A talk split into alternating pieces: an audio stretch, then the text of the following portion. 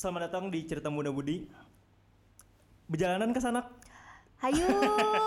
wow, ada yang masih ingat guys. Ah, mungkin kalau yang udah ada yang familiar eh, dengan sound tersebut, eh, selamat datang Gusti Noviananda. Halo. Ih, sedap suaranya. Eh, lebih prefer dipanggil Nanda atau GT? Nanda. Nanda. Kenapa Iya. nggak GT lagi? Soalnya gak tahu GT itu sounds weird. Soalnya teman aku ada namanya GT. Oke. Jadi kalau misalkan aku dipanggil GT itu kayak aneh aja rasanya. Soalnya sekarang dipanggil Nanda kan. Oke, oke, oke. Gitu. Oke, padahal iya sih kalau nama Gusti ada banyak juga sebenarnya Iya. GT, GT gitu. Tapi Nanda juga pasaran gimana dong? Oke, nah oke kebetulan kita udah mau habis tahun nih 2022. Eh mau nanya ke Kananda dulu nih. Eh selama setahun terakhir kira-kira apa aja nih yang bisa dirangkum dari Januari sampai Desember? Em, kalau dalam satu kata ya, misalkan di dikasih kesimpulan, Oke. itu menurut aku miracle sih. Oh, miracle. Serius, serius, Miracle number serius. seven. Oke, kenapa tuh? Kenapa Miracle tuh? in cell number seven. Oke. Ayo nonton abis ini. Iya, kenapa tuh? Kenapa jadi miracle? Eh, karena banyak banget hal-hal baru yang terjadi di aku yang menurut aku hebat sih. Bahkan aku selesai skripsian pun itu kalah gitu loh sama momen-momen yang aku rasain gitu loh di bulan-bulan di pertengahan tahun gitu loh. Kalau selesai skripsi itu kan udah dari awal ini ya, awal tahun ya. Nah, kalau di pertengahan itu itu yang kayak peaknya peaknya dalam 2023 eh sorry Oke. 2022 Oke. 2022 Visioner banget. Iya, bukan bukan. Jadi peaknya 2022 itu adalah um, September, Agustus, Agustus September. Oke. Soalnya itu kayak titik di mana, aduh itu banyak banget stre- stressful events yang terjadi, terus kayak bikin belajar sih, gitu. Hmm, nah tadi baru lihat eh lihat dari snapgramnya pasangan Kananda, Iya. Kak Aji, terus dia ada nge-SG terkait six moment terbaik selama tahun 2022. Oh iya, aku belum lihat. Ayo kita lihat tuh. Kalau kalau kalau kita bisa sebutkan 6 momen terbaiknya Kananda selama tahun 2022 bisa disebutkan gak nih? Atau kalau kurang nggak apa-apa deh, yang penting 6 lah gitu. Eh, ya, ya nggak apa-apa. Em, enam, yang pertama mungkin lulus kuliah, Oke. dapat gelar sarjana psikologi. Oke. Terus yang kedua best momennya adalah di saat aku memutuskan untuk ikut Putri Pariwisata Kalsel Oke, kedua. dan diterima audisi umum. Oke. Terus yang ketiga em, di saat aku bisa ikut kompetisi nasional Oke. di Putri Pariwisata Indonesia. Oke. Itu banyak banget mengajarkan aku hal-hal baru. Oke. Terus yang keempat adalah ketemu sama orang-orang yang sebelumnya nggak pernah aku bayangin. Oke. Contohnya misalkan gubernur, Hmm. wali kota yang gak semua orang bisa temuin secara gampang, tapi aku bisa gitu loh melalui event-event pariwisata kan tentunya. Oke. Yang kelima adalah em, melakukan duty sebagai putri pariwisata. Yang keenam adalah aku banyak eh, pengalaman MC sih di tahun ini, Oh, yes. gitu. Gokil. Gokil. Keren banget sih. Keren Amin. banget. Nah, eh, ada banyak ada banyak yang disebutkan oleh Kananda tadi. Salah satunya yang nomor dua Iya, lulus psikologi. itu Nah, pertama gak sih? oh, oh iya benar benar pertama deh. Pertama, pertama, pertama. pertama, pertama. Nah, kita coba ubuk-ubuk dari yang pertama dulu nih. Tadi kan Anda bilang bahwasanya pertama lulus dari psikologi. Eh, agak mencengangkan dan cukup mengherankan bahwasanya Kananda lulus dari Unair Iya. psikologi dan rencana ada mau ngambil ini lagi kan ya S2 tahun depan atau gimana? Iya, tahun depan. Oke. Eh Kananda berarti prefernya lebih ke arah mana? Klinis itu yang ngurusin or- orang sakit jiwa atau ke mana berarti? Awalnya aku pengen klinis Hmm. kan cuma lama-lama em, pas aku mau lulus soalnya aku peminatannya kan klinis ya di S1 terus lama-lama aku sadar kalau kayak aku gak terlalu suka deh di klinis aku kayak suka lebih suka di industri dan organisasi Oke. tau gak kenapa Udah, udah. Kenapa kenapa tuh? karena aku bisa memakai baju-baju keren iya soalnya ini aneh sih eh Oke. mungkin gak aneh mungkin banyak juga orang luar sana yang kayak gini Em, kamu akan merasa lebih semangat dan lebih percaya diri kalau kamu memakai uh, baju yang keren Hmm. bagi aku kalau jadi em, orang yang bergelut di psikologi industri dan organisasi itu pakai baju yang keren-keren pasti Iya karena pasti mereka rekruter Oke. Terus mereka juga pasti em, apa ya kayak pokoknya mereka pasti di HRD gitu loh Iya, bidangnya. perusahaan. Dan biasanya orang-orang kayak gitu kan harus tampil menarik terus ya Hmm. beda sama klinis kalau klinis mungkin um, ada juga yang kayak gitu tapi mungkin ada juga yang mungkin dia terlalu banyak mengurusi pasiennya jadi dia nggak terlalu aware lagi nih sama penampilannya gitu nggak tahu sih aku punya aku sekarang punya pandangan yang berbeda antara fashionnya klinis sama industri organisasi Oke. Berarti merubah konsentrasi karena fashion. nggak juga sebenarnya. Sebenarnya nggak juga nggak cuma itu. Yang kedua um, adalah aku pas kerja aku habis lulus itu sebenarnya sempat kerja kan di salah satu perusahaan. Dan somehow aku kayaknya suka gitu loh kerja di perusahaan rather than di rumah sakit atau kayak di uh, tempat psikolog pribadi gitu loh. Kayak aku lebih suka bersama dengan orang-orang yang sevisi dibandingkan harus kayak treat other people gitu Oke, loh. Oke. gitu. Eh, misal ya eh, Kananda sekarang tidak menjadi putri pariwisata, hmm. apakah akan menjadi budak korporat? Enggak. Eh, lebih ke budak universitas ya. Oke, budak universitas. Gimana tuh? Gimana tuh budak universitas? Iya, soalnya aku sebenarnya pengennya kalau lulus kuliah itu nggak kerja, aku pengennya langsung kuliah lagi Oh, Oke. Gitu. Karena memang udah goals aku sejak lama sih. Jadi aku pengennya tuh setelah lulus S2 baru aku kerja gitu. hmm. Beda sama uh, teman-teman yang mungkin lulus kuliah itu pengen kerja dulu ah baru nanti S2 gitu loh. Tapi bagi aku kalau misalkan lulus S1 terus S2 kamu itu akan punya lebih banyak hal untuk di reach gitu loh. Misalkan kamu bisa um, kerja di tempat yang sebenarnya lebih keren dibandingkan S1. Tapi bukan bilang S1 nggak keren gitu loh. Oke. Misalkan kamu bisa jadi dosen, tapi kamu juga bisa kerja di perusahaan gitu loh. Dan yang paling penting kalau misalkan kamu nikah habis S2, itu rasanya akan lebih apa ya, lebih plong gitu loh. Soalnya kalau misalkan nikah tapi kamu lagi study S2 itu pasti kebagi-bagi sih. gitu. Soalnya itu sih kayak um, di mindset aku kalau misalkan aku lulus S1, aku S2, aku kerja baru aku nikah gitu loh. Kayak gitu Oke. sebenarnya life goals aku nih Oke, saat ini. Kayak Oke, gitu. Tapi eh, terkadang maksudnya gini kan ya. eh, kadang sulit menjadi seorang perempuan karena ada stigma-stigma masyarakat yang memang menghalanginya. Hmm. Misalkan terkait perempuan bahwasanya kalaunya nikahnya terlalu tua nanti susah punya anak dan lain-lain, stigma yang berkembang. Iya, iya. Eh, karena anda nggak takut akan itu dan kira-kira untuk pasangan yang sekarang merestui terkait hal tersebut atau gimana kira-kira? Um, well, kalau misalkan tentang pendapat orang lain, I don't really care about their opinion karena uh, the only opinion that I really care is from my parents, my family, and also uh, my my boyfriend. And insya Allah ya su- mungkin soon Kita to be aminkan. kita aminkan ya, Kita aminkan. soon to be husband ya, Oke. gitu. Karena untuk apa gitu loh kita dengerin kata-kata orang lain yang sebenarnya mereka tidak berkontribusi banyak dalam hidup kita karena bagi aku yang berkontribusi banyak itu kan keluarga kita ya Oke. kalau keluarga kita aja merestui kita nikahnya di umur mungkin eh, 26, 27 gitu loh kenapa enggak terus kalau pasangan aku eh, dia tentu saja merestui sih merestui dan setuju akan hal itu karena dia sevisi sama aku gitu Oke. loh karena em, dia juga orang yang percaya kalau pendidikan itu sebenarnya nomor satu Oke, oke. gitu menarik. dibandingkan menikah Oke, oke, Gitu. Oke, menarik. Eh, kan Anda kebetulan dua bersaudara, tiga tiga, tiga ya, tiga, eh, tiga bersaudara. Terus eh, orang tua sejauh ini apakah selalu mendukung atas setiap keputusan yang kan Anda ambil? Maksudnya dari yang eh, mau pendidikan dulu, terus mau menempuh jalur putri pariwisata dulu. Kira-kira selama ini orang tua selalu mendukung penuh nggak ya? Em, awalnya sebenarnya enggak ya awalnya enggak sedih, sedih.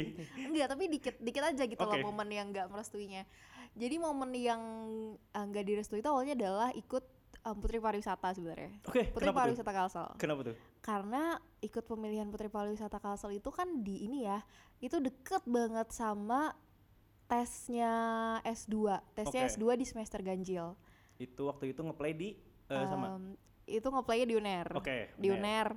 Nah terus sebenarnya kalau misalkan aku menang di Putri Pariwisata kan aku nggak bisa kuliah dong, Mm-mm. soalnya pasti kebagi karena Mm. kuliah S2 psikologi itu belum ada di Mm. Banjarmasin atau Ya. di sekitar Kalimantan Selatan Mm, kan. mm. Akhirnya itu sebenarnya awalnya pas masa-masa audisi itu ditentang gitu loh karena memang goals awalnya goals awal kita nih kita semua. Hmm. itu habis itu tuh yang langsung S2 gitu loh nggak ada nggak ada distrak, distraksi lagi gitu loh. Terus akhirnya lama-lama um, aku bisa membuktikan dengan aku menang gitu loh terus aku bisa ke nasional gitu loh. Dan akhirnya itu mengubah perspektif mereka gitu loh kalau ternyata I can do better in my own way. Tapi kamu tetap harus pendidikan lagi gitu loh di tahun selanjutnya. Kalau misalkan kamu udah lengser lah istilahnya kayak gitu. Jadi mendukung karena mereka mengizinkan untuk di tahun depannya tapi em, itu merupakan hal yang menurut aku adalah keputusan terbaik sih dari aku dan dari orang tua karena sebenarnya mungkin kalau misalkan aku lanjut S2 aku akan jadi orang yang lempeng aja gitu lah lempeng dalam artian gak ada challenge-nya gitu loh nggak Oke. merasakan challenge challenge challenge yang aku rasakan di 2022 ini gitu loh Oke. Oke. Kok kayaknya Oke. banyak cobaan banget di 2022 ya Jadi di mana miracle-nya? Eh ada lah miracle-nya di mana tapi? nanti kita cerita lagi tentang miracle Oke, oh wis, keren. Nah, bicara tadi kan Anda bahwasanya memang mengedepankan pendidikan, Iya, eh, iya. bahwasanya waktu di UNER sendiri kan kan Anda eh, lumayan lama tuh, kayaknya waktu itu di Surabaya. Iya. Sebelum berarti eh, ada empat tahun berarti Surabaya atau gimana? Sebelum Enggak. COVID atau tiga? aku pokoknya covid itu aku di semester 5 eh, sorry di semester genap di semester 6 deh kayaknya Oh oke, sekitar sekitar itu ya. Seki- eh, enam sih kayaknya. kayaknya namanya Maret enam, Maret tuh enam. genap kan Iya, iya. iya aku covid semester 6 bulan Maret inget Oke. banget bulan Iya, Maret bulan Maret. jadi itu otomatis dua setengah tahun ya Ya, sekitar itu. nah Eh, dua tahunnya aku di Surabaya hmm. Em, terus setengah tahunnya aku di Malaysia Hmm, oke, bener. Di Gitu. Iya di UM Mm, mm. gitu. Jadi terus dua tahunnya lagi di Banjarmasin. Sebenarnya nggak terlalu merasakan merantau sih sayangnya ya. Makanya pengen merantau lagi. Memang suka jalan-jalan. Iya gitu ya, dong. perjalanan ke sana. Ayo Bayu. Nah, waktu di Surabaya kurang lebih selama 2 tahun, eh Kananda sendiri kayaknya banyak tuh eh, ikut-ikut kegiatan-kegiatan sosial. ya. Eh, penasaran maksudnya dari Kananda sendiri, apakah or adalah orang yang sangat secare dan emang anak sosial banget gitu loh? Karena kalau dilihat emang dari kegiatan-kegiatan itu emang banyak berfo- berfokus di kegiatan sosial kan ya? Iya betul. Mm-mm, Kalau kegiatan sosial aku sebenarnya udah join sejak SMA. mm-mm. Jadi dulu ada di tahun 2015 namanya itu komunitas Nata Aruna. Oh oke, ya. Eh, sorry bukan Nata Aruna. Project Hmm, 36. Project Itu 36. I know one of my friend Ya kan? ada di sana, iya. Iya ya. Iya, iya. Project 36 itu kegiatan sosial yang banyak ngelakuin hal-hal yang berbau sosial, misalkan kunjungan ke em, rumah sakit yang ada anak-anak kankernya, yayasan kanker gitu-gitu. Terus ada penggalangan dana. Terus aku suka gitu loh. I like the feeling when I'm being useful to other people. Nah, ini juga salah satu fun fact kalau sebenarnya ternyata kalau kita melakukan hal baik, kita bukan melakukannya untuk orang lain Hmm. kita melakukan itu untuk diri sendiri sebenarnya untuk kepuasan batin kita gitu loh. itu hal yang aku baru tahu juga sih baru-baru ini setelah nonton podcast tapi lupa podcast siapa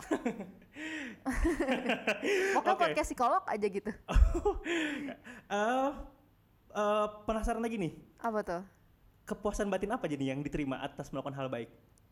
kepuasan batin bahwa kita bisa uh, berguna untuk orang lain gitu Hmm. loh karena sebenarnya kita kalau misalkan membantu orang lain tuh kan pasti ada sedikit rasa bangga terus kita seneng gitu loh. Nah sebenarnya feeling itu yang kita selalu ingin dapatkan dengan kita berbuat kegiatan sosial gitu loh gitu sebenarnya bukan bukan semata-mata setuju gak sih bukan semata-mata karena kita ingin membantu orang lain agar orang lain tersebut menjadi lebih mudah gitu bukan Iya. semata-mata itu aja Iya, itu iya. iya cuma kita feeling yang kita dapatkan itu adalah feeling yang kita ingin rasakan juga kan gitu setuju nggak sih Iya, setuju. Setuju gak sih? Setuju lah. Iya nggak sih? Kita mah orang baik.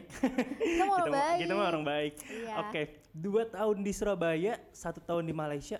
Ada culture shock apa waktu kemarin di Malaysia? Culture shock di Malaysia. Hmm apa ya? Sebenarnya nggak terlalu banyak sih karena mirip-mirip aja Mm-mm, sama di. Indonesia menurut aku cuma yang culture shocknya adalah teh tarik tuh murah banget Kalau di sini berapa? Di sini berapa sih? Sepuluh ribu. Berapa sih? Kalau di sana berapa? sepuluh ribu sepuluh ribu kalau nggak salah Kalau di sana sepuluh ribu juga. eh sorry berapa? di sana kayak around sepuluh ribu rupiah Oke. kalau di sini tuh mahal tahu teh tarik kayaknya Oh, ya nggak sih Iya kayaknya iya. lima belas ribu gitu loh Oke. Pokoknya kalau kita minum teh tarik di sana itu sama kayak minum es teh di sini. Jadi minuman defaultnya kalau misalkan nggak mau Hmm. ke warung di sana itu teh tarik. es teh itu bukan minuman default itu minuman yang malah uh, kayak second optionnya gitu. Soalnya dulu suka teh tarik sekarang sih. Ayo kirimin aku teh tarik. Kalau yang di Banjarmasin nggak ada yang tertarik dengan teh tarik juga? Nggak ada, Uh, nggak ada minuman-minuman yang kayak, hmm, kayaknya, kayaknya udah ada cobain teh tarik di Banjarmasin ada yang menarik? Nggak ada? ada. Di mana? di di jalan veteran tuh ada tahu ini warung aku lupa namanya jadi itu tempat makan yang jual tuh koki asal Oh, I know Malaysia that. langsung I know, I know, I know. Apa yang namanya? Kampung Melayu, Kampung Melayu. kalau oh, sorry Kampung Melayu, Melayu Kampung Melayu. iya itu teh tariknya juga enak tuh Eh, basically chefnya dari Malaysia kan ya? iya chefnya dari Malaysia chefnya dari Malaysia. bahasanya juga bahasa Malaysia Oh, nggak tahu, serius. iya coba aja ngomong Oh. coba deh Saya nih, saya teman sama Fizi. Filipin dong Yes, kan Malaysia produknya Filipin. iya betul betul betul Tapi eh, dari Malaysia, dari Surabaya, Malaysia balik ke Banjarmasin itu pertama datang sini bingung dulu atau gimana? Em, pas covid Eh ya, atau udah langsung daftar untuk yang putri Sas- eh putri Sasirangan ya? Galuh Ah. Sasirangan. enggak Gimana tuh? Berarti Bentar. ada ada masa gabutnya dulu atau gimana berarti? iya Lumayan lama. setengah tahun Lumayan tahu setengah tahun berarti gabutnya. iya Terus baru terima dapat info ada yang Galuh Sasirangan itu. Atau Iya. gimana? jadi Maret 2020 covid Mm. itu kan memang gak ada kegiatan kan jadi aku jadi barista Oh bener, bener. jadi aku jadi barista aku belajar kopi aku minum-minum kopi di mana-mana. Terus akhirnya ya aku jadi sedikit sedikit paham gitu loh tentang kopi.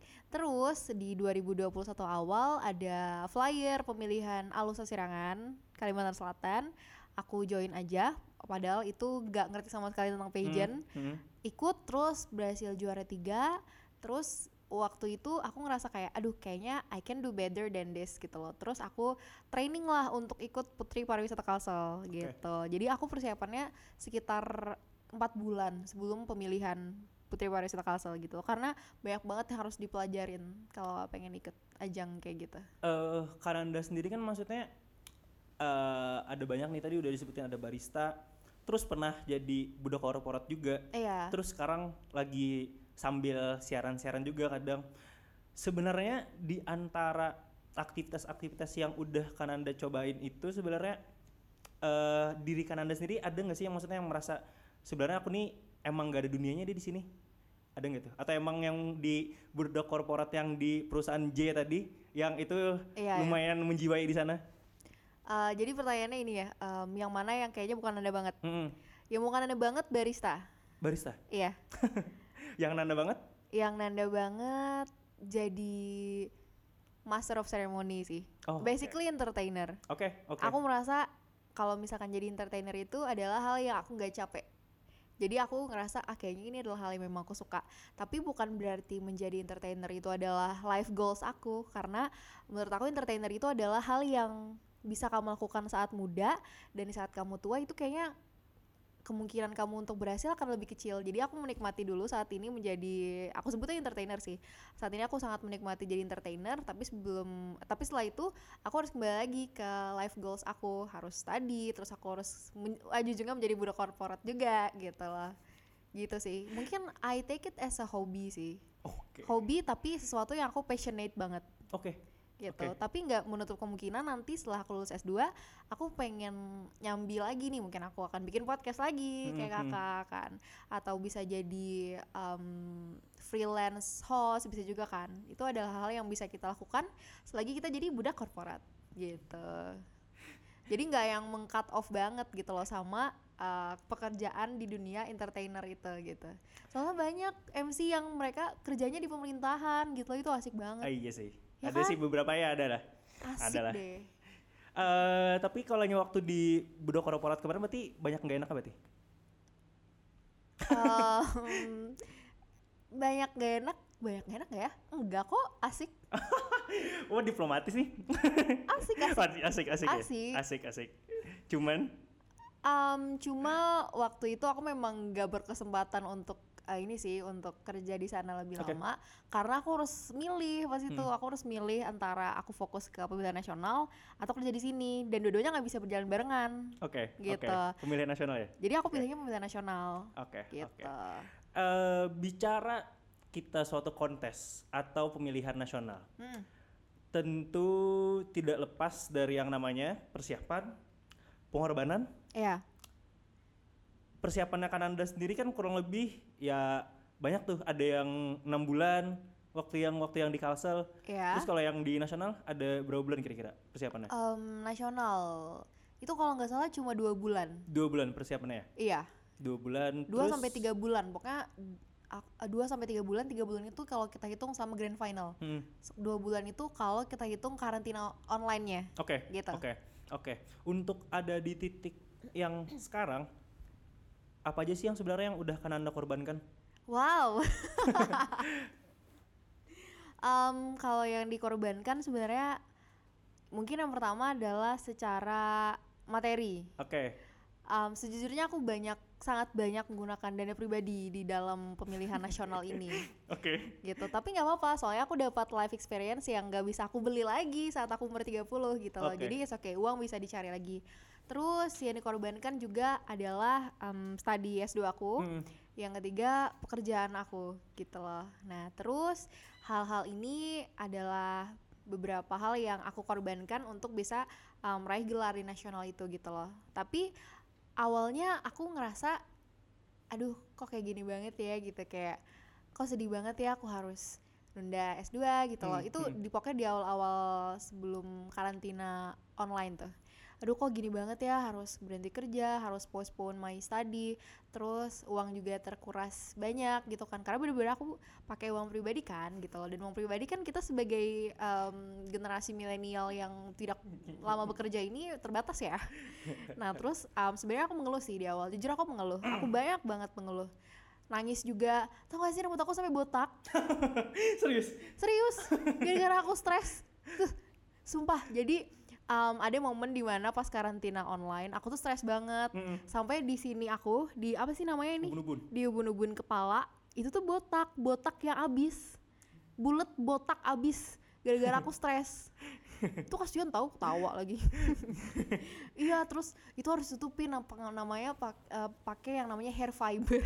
Oke. aku juga baru tahu ada itu Terima di kasih dunia infonya. ini jadi kalau anda anda semua yang botak dan menginginkan untuk menutupi kebotakan itu Oke. cari em, di toko online mungkin ada ya Oke. hair hair fiber Oke. jadi boleh, itu ketutup bener-bener kayak rambut gitu loh Hmm. tapi itu sedih tahu kayak orang-orang pasti ngenotis gitu loh Hmm, hmm. pas lihat di ubun-ubun kepala gitu loh itu juga salah satu hal yang korbankan sih mental health Oke. gitu Hmm, hmm. sebenarnya se, struggle itu kalau misalkan ikut kompetisi nasional tapi nggak banyak orang yang ada di belakang kamu gitu loh Hmm, hmm. dan unfortunately aku berada di sisi yang aku nggak banyak dibantu waktu aku ke nasional gitu loh Hmm. makanya aku bisa em, mendapatkan pengorbanan-pengorbanan yang tadi gitu loh. Tapi em, saat kayak gini udah beberapa bulan setelah pemilihan nasional aku udah menerima dan malah aku seneng gitu loh. Oke. gara-gara itu gara-gara aku nggak banyak dibantu aku jadi kenal lebih banyak orang. Terus juga aku bisa mendapatkan pengalaman yang luar biasa. Kayak misalkan misalkan nih kamu pengen makan. Kalau makanannya di atas meja ya udah makan aja kan tapi kalau misalkan kamu pengen makan kamu harus belinya keluar dulu ngeluarin motor dulu ke warung dulu. Itu kan rasanya kalau misalkan kita balik ke rumah lebih apa ya lebih enak Hmm, gitu loh hmm. menurut aku ya. Nah terus juga ada lagi pengorbanan yang sebenarnya aku dapatkan eh, yang aku alami adalah em, aku harus menahan apa ya menahan ego sih. Karena aku bayangin deh aku misalkan butuh eh, mua untuk photoshoot atau untuk video shoot. Aku nge DM literally hampir semua mua di Banjarmasin aku nge DM minta support. Ada yang mau ya banyak juga yang enggak gitu Oke, loh. oke. jadi aku ya aku cari aja mua Banjarmasin gitu kan di di Hmm, ser- di hmm. searching section di Instagram. Terus aku buka-bukain terus yang misalkan ah kayaknya ini 100 ribu followers nggak mau nih. Itu nggak aku chat. Tapi kalau misalkan mua yang masih kayak kelihatannya mau ya aku chat. Dan itu banyak banget. Kalau misalkan aku masih ada tahu kayak kalau misalkan mau di scroll itu banyak banget. Mua fotografer videografer sama desainer baju. Kalau mua alhamdulillahnya aku dapet gitu loh dapet yang mau support aku selama aku karantina selama aku uh, photoshoot video shoot. Kalau fotografer videografer itu alhamdulillahnya dapat juga walaupun ada yang bayar ya sebagian. Tapi yang aku hampir nggak dapetin itu adalah desainer. Oke. jadi itu sedih banget waktu pengen ke nasional tuh kan pasti kita banyak butuh baju ya. Hmm. mau itu dress atau casual casual look atau formal look itu kan banyak banget yang harus dibutuhkan. Dari karantina online sampai karantina offline-nya gitu loh. Dan akhirnya aku harus bikin bajunya sendiri. Most of them aku either aku beli atau enggak aku bikin gitu loh.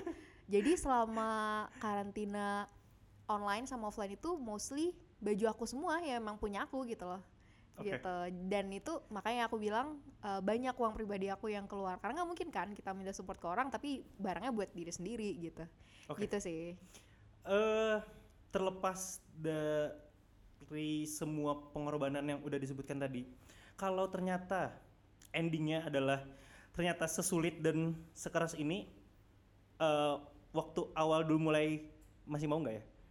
I would do it again but dengan lebih pintar Oke, dengan lebih pintar itu maksudnya gimana? Cari sponsor ya Hmm, kan? Hmm. dibanding bayar proposal terus bisa mulai mulai dari lama deketin desainer desainer gitu loh buat bisa pinjem baju gitu loh. Dan aku bakal mengulanginya lagi tapi dengan lebih pintar aja gitu loh. Karena kalau misalkan harus mengulangi lagi yang aku alami itu hmm, agak sedih sih gitu. Bukan bukan menyesali tapi kalau diinget tuh sedikit sedih gitu loh kayak wah ternyata sedih ya dulu aku kayak gini tapi nggak apa-apa karena ya aku bisa mengenal lebih banyak orang ini Oke. beneran aku kenal banyak banget orang gara-gara aku minta support oke. terus ya aku bisa mendapatkan pengalaman yang mungkin orang lain nggak bisa dapetin gitu gitu So, are you happy now for your achievement? ya of course Oh, I- I'm happy now oke. At that night, Mm-mm. eh, what do you think? Pas Waktu kapan? pertama kali eh, diumumkan misalkan sebagai putri pariwisata Kalsel misalkan, Mm-mm. waktu pertama di panggung, apa sih yang sebenarnya dipikirkan pertama kali? Ngucap istighfar kayak misalkan atau apa gitu? alhamdulillah sih Alhamdulillah. iya Oke, itu yang pertama. alhamdulillah Pertama. iya pertama kali Selanjutnya Dalam berarti hati. langsung ada kebayang-bayang bahwasanya, oh kayaknya eh, sulit nih, gimana gimana ada kebayang atau gimana berarti? enggak aku enggak aku awalnya nggak pernah mikir kalau akan sulit Oke. aku sangat senang, uh, bersyukur, dan juga aku ngerasa kayak, wah, ini adalah hal yang udah aku impikan nih gitu, dan akhirnya aku dapet gitu loh. Tapi di sisi lain aku juga mikir kalau tanggung jawabku akan lebih berat dibandingkan yang lain. Tapi nggak apa-apa, aku waktu itu happy banget gitu, Oke. bisa dapetin title itu, karena kan udah persiapan nih, Hmm. pasti kan di persiapan itu kita membayangkan kita akan menang, Hmm, dan di saat menang itu rasanya luar biasa banget gitu loh. Oke. Tapi, Tapi, wow. tapi, Maksudnya terdengarin seperti julid ya. Tapi setelah aku menang itu banyak omongan-omongan yang sebenarnya nggak semuanya positif Oke. gitu loh tentang kemenangan aku. Pasti ada aja yang nyinyir. nyinyir gitu loh kayak, hah kok dia sih, kok bukan ini sih gitu. Hmm. Hah dia kan gak tinggi gitu loh, dia kan gak setinggi si ini gitu loh, Hmm. dia kan yang ini 175 gitu loh, dia kan gak, gak 175 gitu loh, kok dia sih gitu loh? Oke. dan masih banyak lagi. Waktu itu aku sempat ngedown sih. Uh, literally H plus satu setelah aku menang itu aku ngedown banget. Karena aku denger banyak orang-orang yang ngatain aku kan Oke. gitu loh. Oke. ya orang-orang orang yang kenal lagi gitu kan. Kalau netizen mah bodo amat. Kurang ajar. Kalau misalkan orang yang kenal dan kayak orangnya kemarin ngobrol sama aku ya itu rasanya pasti lebih ini kan Oke. lebih sakit kan terus ya udah lama-lama ah nggak apa-apa lah nan eh, Nanda udah menang juga gitu loh dan mereka nggak menang ya Nanda menang kan bukan karena Nanda nyogok juri tapi karena memang juri mungkin melihat potensi di Nanda gitu loh Oke. jadi it's okay gitu loh you Oke. you just go with it gitu Eh, sebenarnya kalau menurut Kananda sendiri nih, apa sih yang membuat Kananda menang malam itu? apa ya yang membuat aku menang Em, doa Oke. doa dari orang-orang yang menyayangi aku pastinya Hmm, terus usaha yang sudah aku lakukan Oke. terus udah sih dua sih Tapi doa dan usaha juga berusaha. Hmm, mungkin ya tapi orang-orang itu berusaha beda-beda pasti Oke. mungkin aku tambahin ya lucky Oke.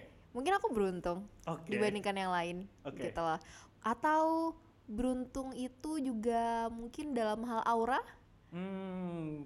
aura Aura gimana ya maksudnya?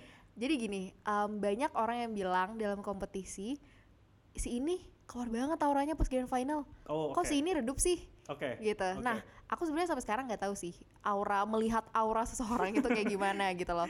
Cuma mungkin aura aku saat itu memang bagus gitu loh, positif gitu. Dan dibandingkan yang lain mungkin aku yang paling bersinar ya mungkin ya. Aku Oke. jadi sombong ya. Tapi ya mungkin aja itu gitu loh. Sampai sekarang aku juga nggak tahu kenapa bisa menang gitu loh. Ya mungkin tadi um, doa, usaha dan lucky gitu. I got so lucky gitu Oke. to be chosen. Oke. Ke- Kalau kita bicara kompetisi, kita bicara seorang putri, eh, tentu bisa dibilang bahwasanya seorang putri pariwisata adalah representatif Iya, dari suatu betul. daerah. Hmm. Eh, kalau kita bicara kompetisi yang semacam ini kan juga gak jauh dari biasanya bahwasanya untuk jadi seorang putri harus cantik, Iya. jadi seorang putri harus pintar. Are you smart enough? Untuk eh, kalau nggak salah kan maksudnya karena anda sendiri kan memang cukup pintar nih. Amin. eh pintarnya kan eh sering juara lomba debat juga. Eh tapi kalau dari Kananda sendiri, maksudnya apakah menganggap diri Kananda sepintar itu atau Hmm. gimana? No, enggak. Gak pintar. Um, aku nggak menganggap diriku yang paling pintar. Oke, Malah enggak. oke, Kalau misalkan dibandingkan sama finalis lain ya, pas itu mungkin ada yang lebih pintar dari aku gitu loh. Mungkin ada yang lebih stand out saat karantina. oke, Tapi menjadi seorang putri itu sebenarnya bukan hanya kamu pintar dan kamu cantik. oke. Tapi Kamu juga butuh attitude yang bagus. jadi edit yang lain gak bagus? Iya, bukan berarti nggak bagus. Bukan berarti nggak bagus. Oke. Tapi gimana tuh? um, untuk menjadi seorang putri itu sebenarnya ada ada beberapa hal ya yang dibutuhkan. Ada 4B. Oke, brain. brave, brave. Brain, brave, beauty, behavior. Oke. Eh, iya gak sih? Brain, beauty, behavior, brave. Ya bener lah yang penting Empat atau 4B. lima sih? Ya empat lah. Kalau nggak salah sih empat. Kalau nggak salah empat ya? Iya, empat B. Apa lima ya? Eh, Empat, kalau- bener. ka- Kalau nya 2B pensil sih. Iya, 2B pensil. Biasanya kalau misalkan pas ujian pasti 2B. Iya kan? Iya sih pensil 2B. Yes, kalau aku eh, nggak mau membandingkan sama orang lain ya, Oke. karena orang lain itu pasti beda juga rezekinya Hmm, oke. dan beda kesempatannya. Tapi menjadi seorang putri itu ah, yang pertama kamu butuh brain. Brain itu bukan berarti kamu harus pintar sekali, Hmm. tapi kamu bisa juga em, pintar dalam bidang yang sebenarnya kamu sedang ikuti. Misalkan pariwisata. Kalau misalkan kamu ikut putri pariwisata ya kamu belajar tentang pariwisata Oke. terus kamu belajar ya tentang apa yang sedang terjadi di dunia, terus apa hal yang menjadi permasalahan di saat ini. Oke. Beda konteksnya sama kebudayaan. Kalau misalkan kamu ikut duta kebudayaan, ya kebudayaan gitu loh. Hmm. Yang kedua adalah beauty. Um, beauty ini adalah kamu bisa menjadi sosok yang terlihat representatif secara visual. Misalkan kalau cewek kamu bermake up atau kamu bisa hairdo, bajunya bagus gitu loh, wangi itu Oke. juga nilai plus gitu loh. Tapi bukan berarti orang yang nggak cantik itu tidak memiliki beauty gitu loh. Karena aku percaya banget semua cewek itu bisa cantik dengan caranya sendiri gitu loh. Oke. Ada yang misalkan dia biasa aja, cuma kalau dia pakai makeup itu bikin pangling Ada. ada kan Ada, kayak ada. gitu nah itu maksud aku gitu loh dia tuh bisa membuat dirinya tuh terlihat representatif secara visual terus yang ketiga behavior Oke. ini penting banget sih sebenarnya kalau misalkan kita jadi orang kita jadi putri tapi kita nggak punya attitude. Orang pasti akan kayak meremehkan kita pada ujung-ujungnya gitu loh. Behavior ini sebenarnya juga em, berlaku ke orang yang lebih muda nggak cuma yang tua kan. Oke. kalau misalkan orang yang lebih tua of course kita tahu harus gimana. Ke yang muda juga kita tak harus tahu gitu loh untuk menempatkan diri seperti orang yang kayak gue gimana. Terus yang keempat adalah brave. Tiga hal tadi kalau nggak punya brave tuh nggak berguna gitu loh. Kamu harus bisa berani menyuarakan apa yang kamu resahkan harus berani menyuarakan apa yang ingin kamu sampaikan gitu loh dari pendapat orang lain as long as it's it is the right thing gitu Oke. gitu sih Ke kalau Kananda sendiri sebenarnya concernnya apa? concern aku saat Iya. ini concern aku saat ini adalah orang yang liburan tapi mereka memilih Bali dulu dibandingkan kotanya sendiri Oke. Oke. gitu itu sih yang aku agak concern kan sekarang Eh, so what you did? Yang aku lakukan. Hmm. aku selalu berusaha untuk mempromosikan wisata-wisata yang ada di Kalsel. Terus aku nunjukin ke orang-orang ini loh Kalsel sebenarnya tuh sebagus ini gitu loh. Cuma kamu memang harus effort buat nyarinya gitu loh. Terus aku juga sudah em, kenalin wisata-wisata di Kalsel ke teman-teman aku waktu di nasional Hmm, gitu loh. hmm. sesimpel itu sih kayak kita nggak harus melakukan hal besar untuk bisa jadi orang yang berguna gitu. Eh dengan segala privilege yang ada eh, tadi udah disebut juga bahwasanya konsepnya adalah memperkenalkan untuk warga-wargi yang em, lebih memilih Bali daripada ke daerahnya sendiri. Dengan segala privilege yang ada, apa aja nih yang kira-kira Nanda bisa lakukan lagi selain maksudnya yang tadi maksudnya kan Nanda nih juga punya privilege dengan eh, pemangku-pemangku kebijakan nih. Iya, Privilege iya. apa aja nih yang udah dilakukan apakah bikin roadmap semacam bahwasanya atau saran-saran masukan yang kira-kira membangun atau gimana nih berarti? Kalau dengan privilege yang aku miliki sih aku sudah pernah kayak menyuarakan ya ke salah satu petinggi di bidang pariwisata Oke. kalau eh, ternyata wisata di Kalsel itu ada yang potensial tapi ternyata itu kurang diperhatikan gitu Oke. loh. Dan aku menyuarakan apa yang dikatakan oleh warganya tersebut gitu Oke. loh. Tapi tentu saja kalau misalkan kita menyampaikan pendapat pasti nggak akan langsung dieksekusikan. Oke. Ada birokrasi di Oke. sana gitu loh di Oke. pemerintahan. Tapi yang jelas sebenarnya aku pernah dibilangin kalau tugas seorang duta, tugas seorang putri itu menyampaikan Hmm, oke. mengenai itu akan diperbaiki atau tidak, men- men- mengenai apakah hal yang kita concern tadi akan dieksekusi atau tidak, ya itu tergantung orang di atas kita, bukan Ya. tergantung kita kan. Yang Hmm. penting kita sudah menyampaikan gitu loh. Terus um, hal yang sudah aku lakukan sih so far dengan privilege aku adalah karena aku basicnya juga adalah host, aku mengenalkan pariwisata pariwisata di Kalsel Hmm. gitu loh di beberapa TV. Aku pernah di Indosiar, itu aku memang megang program pariwisata sama di Astro TV Malaysia gitu loh. Ya, know Tapi itu. Ya, tapi itu bukan privilege sebagai putri sih. Oke. Mungkin lebih ke privilege aku yang memang basic aku sebelum aku jadi putri pun aku host juga gitu. Oke. Gitu. eh dari Kananda sendiri udah terpilih menjadi Putri Pariwisata mungkin udah, udah berapa bulan ya kira-kira sampai Desember ini mungkin ada sekitar tujuh bulan. Berapa ya? Kalau nggak salah Mei ya. Lupa Oh, deh. Oke. Juni, Mei Juli, kan Agustus, September, Oktober, November. Tujuh bulan Sekitar kayaknya tujuh bulan kan ya? Ah. Selama tujuh bulan, apakah Kananda menganggap diri Kananda sudah cukup baik selama ini menjalankan tugasnya sebagai seorang putri? Belum. Kenapa? Karena aku merasa apa ya aku belum cukup maksimal untuk melakukan tugas aku gitu Oke. loh kayak aku aku aku tahu kalau banyak hal yang sebenarnya bisa aku lakukan lagi cuma karena mungkin kesibukan atau karena memang aku tidak memiliki akses untuk itu Hmm. aku belum bisa gitu loh contohnya uh, mungkin di sebelum pemilihan aku pengen banget bisa keliling beberapa kabupaten tapi karena keterbatasan kayak misalkan aku nggak bisa naik mobil sendiri gitu kan Oke. harus diantar-antar ya nggak bisa gitu loh itu adalah salah satu hal yang aku sesali sih sebenarnya dan semoga ada orang yang sebenarnya bukan duta juga tapi Oke. orang biasa aja nggak apa-apa gitu loh tapi dia bisa melakukan hal itu dan menyebarkan menyebarkan apa yang dia alami gitu loh di sosial media menceritakan seberapa seru wisata tersebut dan yang lain gitu Oke. Eh, tersisa berapa bulan terakhir? So, apa yang akan Kananda lakukan ke depannya? Em, ini tersisa berapa ya paling cepat sebenarnya pemilihannya Maret sih kalau Oke. misalkan Maret berarti tiga bulan ya Hmm. kalau misalkan Mei berarti lima bulan ya Hmm. Ya, lima bulan itulah. Iya, Februari bulan. Maret April Iya, iya, iya. Ya, lima bulan lima ya? bulan, lima bulan. lima bulan Oke. rencananya sih aku pengen garap podcast sih Oke. Iya, Oke. iya, iya, sama ya kita ya. Wah, musuh nih. Wow. Lanjut gimana tuh? Um, saya pengen garap podcast juga, Hmm. tapi tentunya concernnya beda. Ini pasti lebih ke pariwisata Oke, gitu. oke. Pengembangan pariwisata, terus kayak behind the scene orang-orang yang aku pengen banget kayak misalkan nih ada salah satu wisata namanya Gua Limbuhang. Oke. Itu pasti ada pemiliknya kan. Hmm. Nah, aku tuh pengen gitu loh ngasih tahu ke orang-orang ternyata untuk membuat sebuah wisata itu sustain itu tuh susah itu gitu loh dan butuh pengorbanan juga dan dengan pengorbanan itu sebenarnya mereka deserve better mereka deserve banyak pengunjung lagi yang Oke. datang gitu Oke. soalnya aku pernah ngobrol kan sama ownernya Hmm. dan ternyata mengelola sebuah wisata yang kita lihat bagus itu gak mudah gitu loh gitu itu sih salah satu yang aku pengen juga pengen ngundang orang-orang yang kayak gitu orang-orang yang di balik layarnya gitu loh Oke, menarik, menarik, menarik.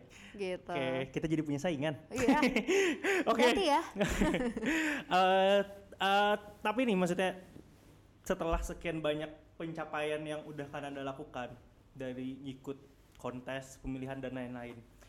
Deep down sebenarnya eh, apakah ini yang Kananda mau atau eh, sebenarnya tujuan Kananda itu apa sih?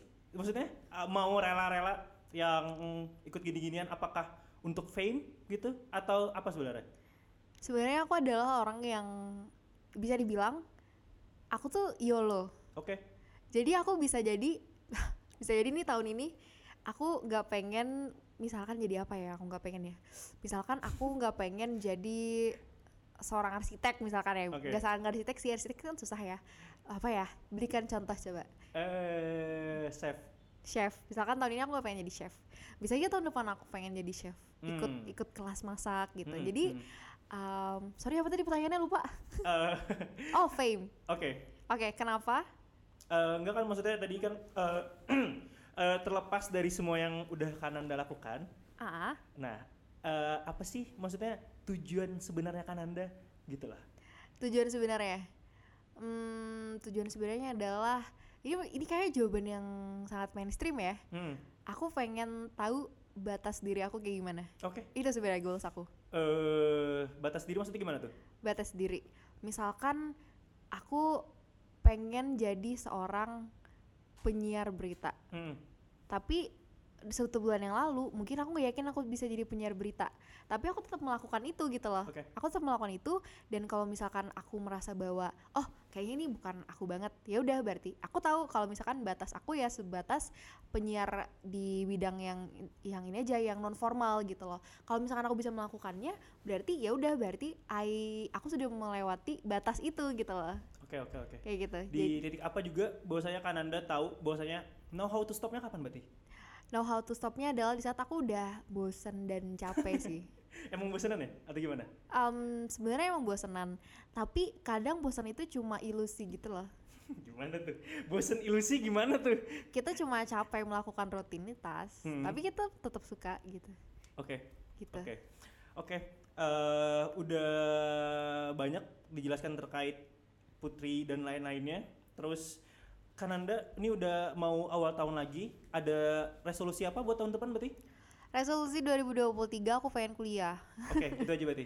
aku pengen kuliah tapi aku juga tetap pengen melakukan kegiatan-kegiatan aku sebelumnya gitu loh misalkan jadi freelancer host Oke. jadi penyiar penyiar berita aku pengen banget juga sama jadi penyiar radio sih tetap itu kan adalah hal-hal yang bisa menurut aku ya Oke. kalau nggak sibuk banget bisa nyambi gitu loh di Hmm, oke. weekend Oke. gitu aku pengen sih soalnya aku nggak pengen nge-cut off kesukaan aku karena menurut aku adalah berbicara itu kesukaan aku gitu makanya aku pengen jadi dosen Oke, jadi chef nggak mau? Pengen juga. Jualan. Kan, kan kalau nggak salah kemarin ada sempat jualan. iya. Tapi aku sebenarnya nggak tahu sih. Aku kayaknya nggak kepikiran buka kuliner bisnis kuliner sih sebenarnya. cuma aku suka aja. Oke. aku suka masak aja gitu loh. Cuma untuk membuka bisnis kuliner menjual menjual makanan kayak bukan aku deh. Gitu. Eh, Kananda sendiri apakah biasanya itu adalah orang yang sangat punya checklist tiap tahunnya? Untuk mulai tahun bahwasanya eh tahun depan goalsnya mau checklist mau ke Australia misalkan atau checklist gimana atau gimana? Atau emang eh, go with the flow? Go with the flow. Aku jujur aja nggak pernah bikin checklist. Oke. Aku bener-bener go with the flow gitu loh. Tapi aku tahu gitu loh kalau misalkan misal eh, di tahun 2023 nih aku pengen masuk S2 ya aku harus belajar dong. Oke. Ya udah aku belajar gitu loh terus kalau udah masuk ya udah berarti aku kuliah yang bener gitu. Tapi tiba-tiba kalau misalkan di suatu hari aku pengen ngelakuin sesuatu ya aku lakuin gitu loh kayaknya aku lebih ke go with the flow sih. Oke deh. Sesuai mood. Eh, moody ya cewek? Moody. Ya cewek emang moody. Ih, dasar. Eh Kananda mungkin eh, terima kasih banyak. Terakhir eh, penutup kali ya. Ada apa nih pesan-pesan kira-kira buat teman-teman yang mau tadi yang wisata-wisata orang-orang yang Oke. lebih memilih Bali tadi? Gimana gimana pesannya atau gimana? pesannya ya Hmm, Em, jadi sebenarnya kalau misalkan kamu pengen berwisata kamu sebaiknya sih menghabiskan wisata-wisata yang ada di tempat kamu dulu gitu loh sebenarnya nggak harus semua coba deh kamu searching kayak di Instagram misalkan di Instagramnya em, pariwisata Kalsel atau visit Kalsel. Nah itu tuh banyak sebenarnya wisata-wisata yang menarik tapi kamu nggak tahu gitu loh. Coba deh kamu ke tempat-tempat kayak gitu dulu baru kamu ke luar daerah gitu loh menurut aku ya. Oke. karena kalau misalkan kamu ke daerah kamu sendiri itu selain selain kamu bisa saving money kamu juga akan lebih bersyukur gitu loh tinggal di tempat tersebut. Karena aku merasakan hal itu gitu loh. Misalkan aku lagi ke Loksado ternyata Loksada itu adalah tempat yang bagus banget dan bisa kita banggakan gitu loh dan gak semua orang tahu gak semua orang Indonesia tahu Loksado gitu loh nah sebagai anak muda sih menurut aku kita harus bisa mengenalkan wisata-wisata yang kayak Loksado ini gitu loh biar bisa didatengin sama wisatawan dari luar Oke. karena sebenarnya impactnya tuh bukan cuma kamu dapat likes kalau Oke. misalkan kamu ngepost itu akan sangat berharga bagi warga di situ gitu loh Hmm. karena kalau misalkan warga di sana dibeli warung-warungnya terus penginapannya juga ditempati itu juga akan menambah pendapatan daerah terus juga akan bisa membuat Kalimantan Selatan itu lebih maju lagi gitu loh di bidang pembangun di, di pembangunan juga akan lebih maju lagi kalau misalkan wisatanya tersebut banyak didatangin gitu loh dan ujung-ujungnya kan pembangunan buat kita juga Oke, benar. gitu sih Oke deh, mantep. Panjang kali lebar. Oke, Ya. suk- eh, mungkin eh, untuk hari ini itu dulu kali ya. Terus dengarkan podcast cerita Muda Budi. Eh, see you on the next episode. Bye bye. bye bye Dadah, makasih. Makasih. Dah.